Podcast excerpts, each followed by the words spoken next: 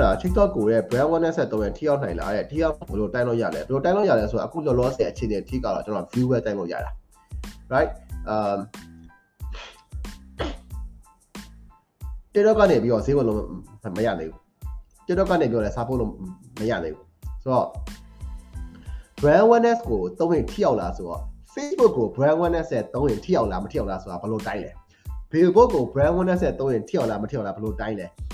flyer ကို brand awareness နဲ့သုံးရင်ထိရောက်လားမထိရောက်လားဘယ်လိုတိုင်းလဲပေါ့နော်အဲ့တော့အဲ့အဲ့ဒီဟာလဲအဲ့ဒီမင်းကုန်းတွေတူတူပဲလို့ကျွန်တော်ထင်တယ်အဲ့တော့ကျွန်တော်အနေနဲ့ကပြောမှဆိုလို့ရှိရင်က brand awareness ကိုထိရောက်လားမထိရောက်လားဘယ်လိုတိုင်းလဲဆိုတော့တိုင်းရမယ့်ချက်ကတစ်ခုပဲရှိတယ်ကျွန်တော် top of mind awareness top of mind ဖြစ်နေလားဆိုတဲ့ဟာကိုကျွန်တော်တော့တိုက်ရတာအဲ့တော့ top of mind ဖြစ်နေလားဆိုတဲ့ဟာနဲ့အာကျွန်တော်တို့ဗာလဲအဲကျွန်တော်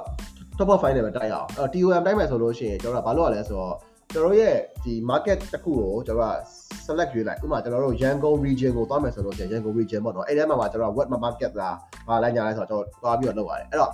ကျွန်တော် campaign run ပြီဆို running run ပြီးတာနဲ့ကျွန်တော်တို့ရဲ့ target audience ကလူတွေကိုအာ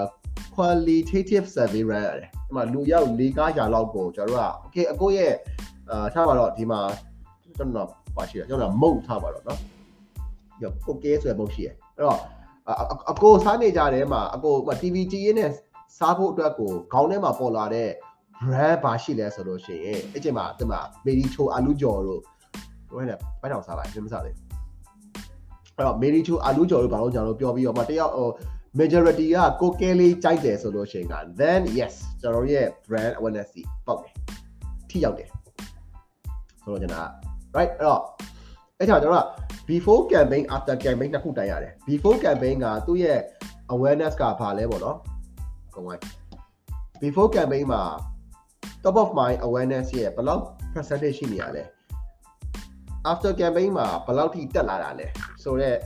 ပုံစံမျိုးကျွန်တော်တိုင်းရတာဖြစ်တဲ့အလျောက်ဒါဒီကျွန်တော်ရဲ့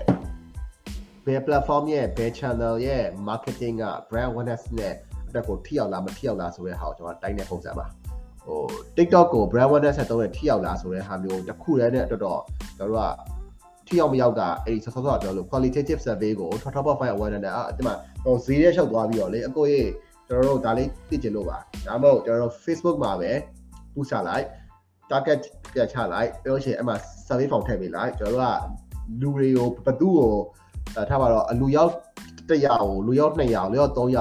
တစ်ထောင်နဲ့စင်းကပ်ပေးတစ်ထောင်နဲ့ဖုန်းပေးပေးမယ်ဆိုတဲ့ဟာမျိုးတွေပေါ့လေအဲ့လိုမျိုးဆိုလို့ရှိရင်လူတွေကနှိပ်သွားလို့ရတယ်ဆိုတော့အဲ့ဒီချိန်မှာအာကျွန်တော် data လေးပြန်ပြီးတော့သိရထပ်နိုင်တာပေါ့